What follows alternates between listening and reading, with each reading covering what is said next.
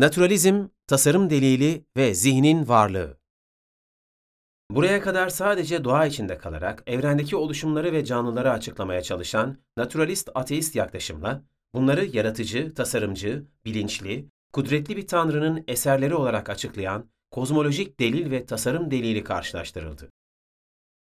Bu karşılaştırmalar 1. Evrenin varlığı 2. Doğa yasalarının ve sabitlerin belli bir şekilde varlığı 3. Fiziki dünyadaki oluşumlar 4. Canlılığın ortaya çıkışı ve canlılar dünyasındaki fenomenler irdelenmek suretiyle yapıldı.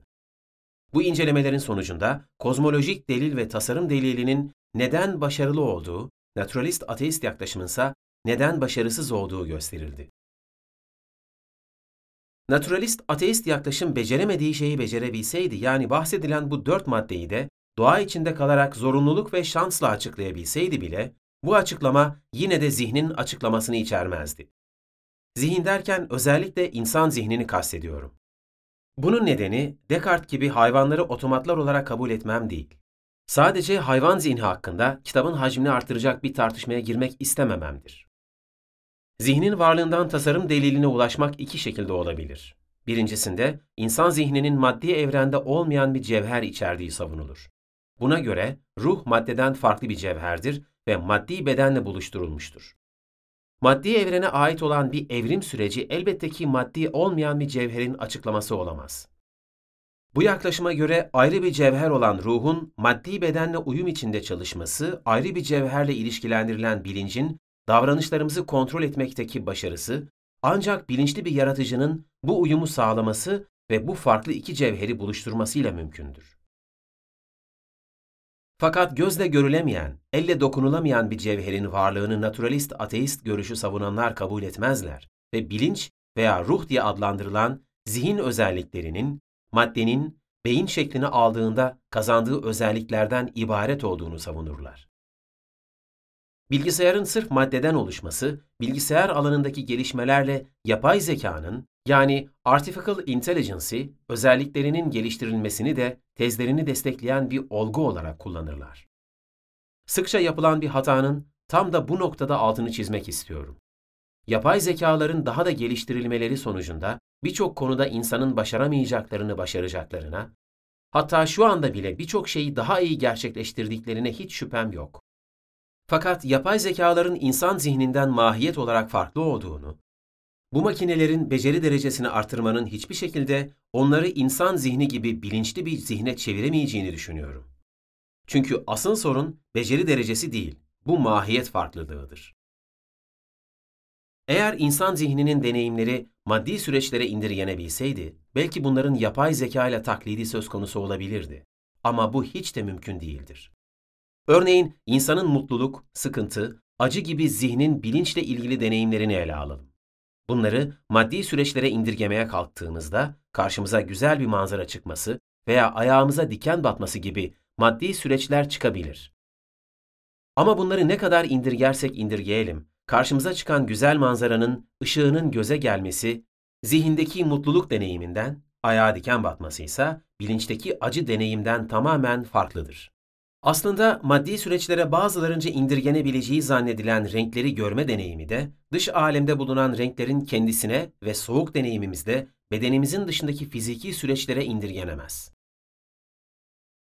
Burada dikkat edilmesi gereken husus bir deneyimimizin maddi bir sürece indirgenebilmesiyle maddi bir süreçten dolayı kaynaklanması arasındaki önemli farktır. Örneğin dış dünyada derecenin düşmesi, moleküllerin bedenimizle teması, Sinirlerin beyne bunu iletmesi gibi fiziksel süreçler elbette ki soğuk deneyiminin arkasında vardır. Fiziksel süreçlerin aynını kablolarla yapay zekaya iletsek, yapay zeka insanın söyleyemeyeceği hassasiyette dışarıdaki dereceyi gösterebilir. Fakat hiçbir şekilde soğuk veya sıcağa dair deneyimimizin bir benzeri yapay zekaca yaşanmış olmaz.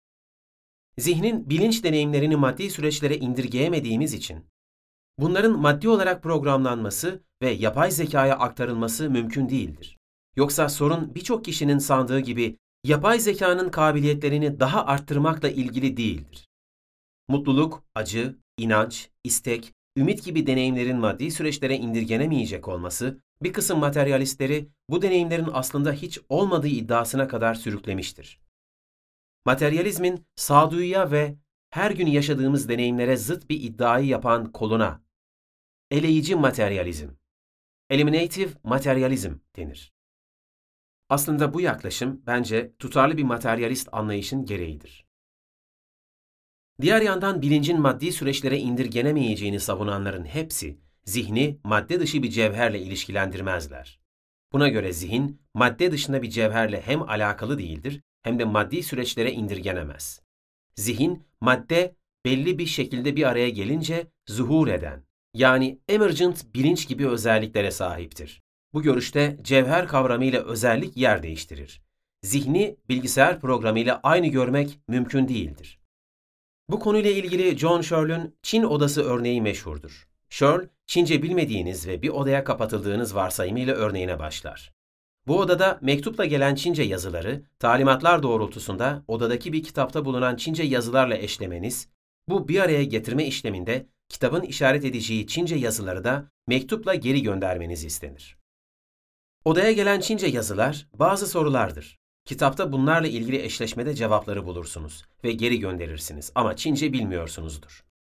Dışarıdan olayı izleyen ve size verilen komutlarla hareket ettiğinizden ve Çince bilmediğinizden habersiz olanlar, sizin Çince bilip soruları cevapladığınızı zannedeceklerdir. Searle, bilgisayarların işlemesinin de buna benzetilebileceğini, bilgisayarların bilincinde olmayan sembolleri kendilerine verilen programa göre kullandıklarını, sonuçta bilgisayarlar insana tamamen aynı bir davranışı yaptıklarında bile bu davranışların arasında mahiyet farklılığı olduğunu ve yapay zekanın insan zihnini taklit etmesinin mümkün olamayacağını söyler. Zihnin bilinçle ilgili özellikleri maddi süreçlere indirgenemediğinden aşağıdan yukarıya mekanik bir açıklama tarzıyla izah edilmeleri mümkün değildir. Sonuçta zihnin bilinçle ilgili özellikleri iki şekilde açıklanabilir. 1. Madde dışı bir cevherle ilişkilendirilerek. 2. Zuhur etme. Yani emergency ile açıklanarak. Bu iki şıktan hangisinin doğru olduğunu gösterecek bilimsel bir düzenek kurmak mümkün değildir. Çünkü herhangi bir bilimsel düzenek ancak zihnin özellikleri maddi süreçlere indirgenebilseydi mümkün olurdu.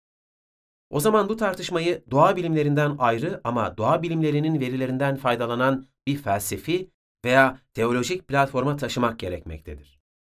Bu konuyu Modern Bilim, Felsefe ve Tanrı kitabımda inceledim. Zihnin bilinç özelliğinin zuhur eden bir özellik olduğunun söylenmesiyle ne kadar az şeyin söylendiği gözden kaçmamalıdır. Bu görüş bir yandan maddenin tek cevher olduğu fikriyle uyumlu gözükür.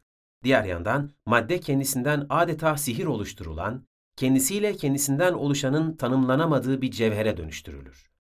Maddeden bilincin oluşması, maddenin belli bir şekilde birleştiğinde bilinç oluşturacak potansiyele sahip olması demektir. Bu da bizi tasarım delili için önemine daha önce değinilen doğa yasalarının belli bir şekilde varlığından, sahip olduğu potansiyelden tasarım deliline ulaşmayla varılan sonuca götürür. Maddeyle oluşan her şey maddedeki potansiyelin görünür olması demektir. Bu açığa çıkan potansiyelden en çok şaşırılacak ve hayranlık uyandıracak olansa evrenin bilinen en kompleks yapısı olan insan zihnidir ve de özellikle zihnin bilinç özelliğidir. Sonuçta insan zihni ister ayrı bir cevherin ürünü olsun, ister zuhur eden bir özellik olsun, insanın bu özelliğinin maddi süreçlere indirgenememesi, bu özelliğin herhangi bir naturalist, ateist açıklamayla izah edilememesi demektir.